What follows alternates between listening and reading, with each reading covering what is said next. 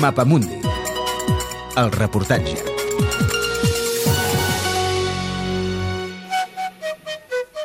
El referèndum d'independència de Bougainville.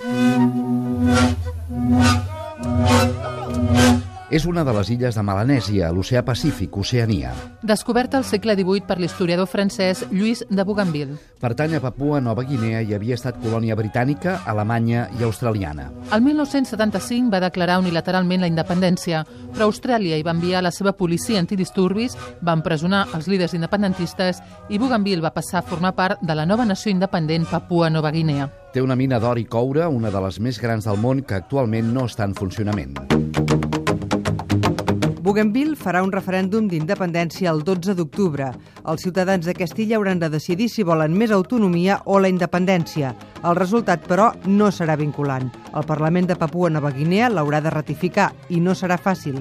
Ted Wolfers és professor a la Universitat Australiana de Wollongong. I must say, I think Crec que molts diputats de Papua Nova Guinea seran molt reticents a acordar una independència de Bougainville per les implicacions que pugui tenir en altres parts del país.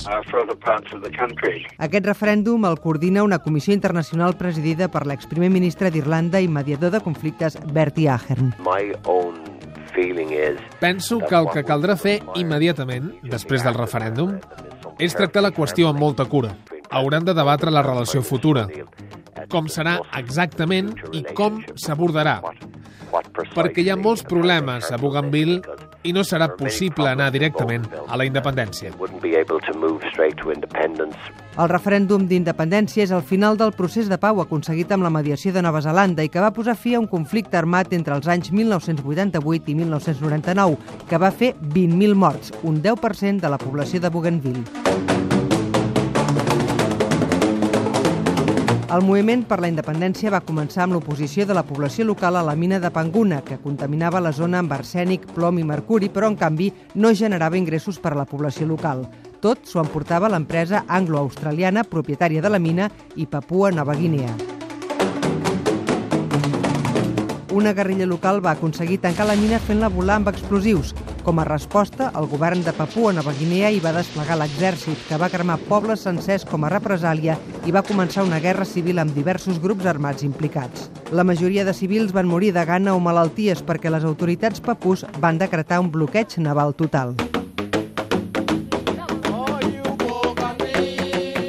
Amb la mediació de Nova Zelanda, el 2001 es va arribar a un acord de pau que establia un referèndum d'autodeterminació.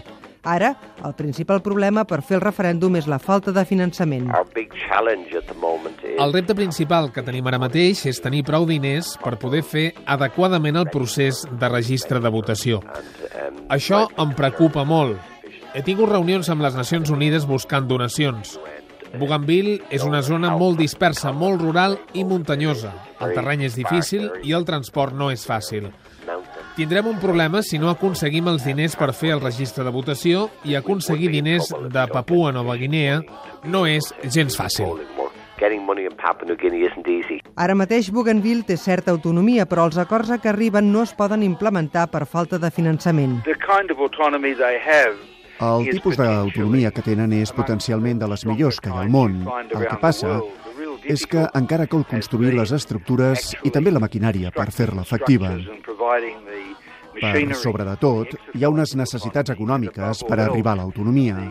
Hi ha una disputa entre les dues parts sobre si el govern de Papua Nova Guinea ha donat tots els diners que hauria d'entregar en compliment dels acords constitucionals.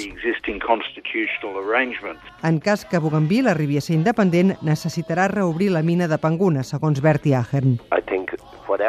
Passi el que passi en el futur, no a curt termini, sinó a mitjà termini, crec que la mina és extremadament important, perquè això ajudarà a la prosperitat i al desenvolupament de Bougainville. És a dir, sense la mina és molt difícil tenir els recursos necessaris per desenvolupar l'àrea com cal.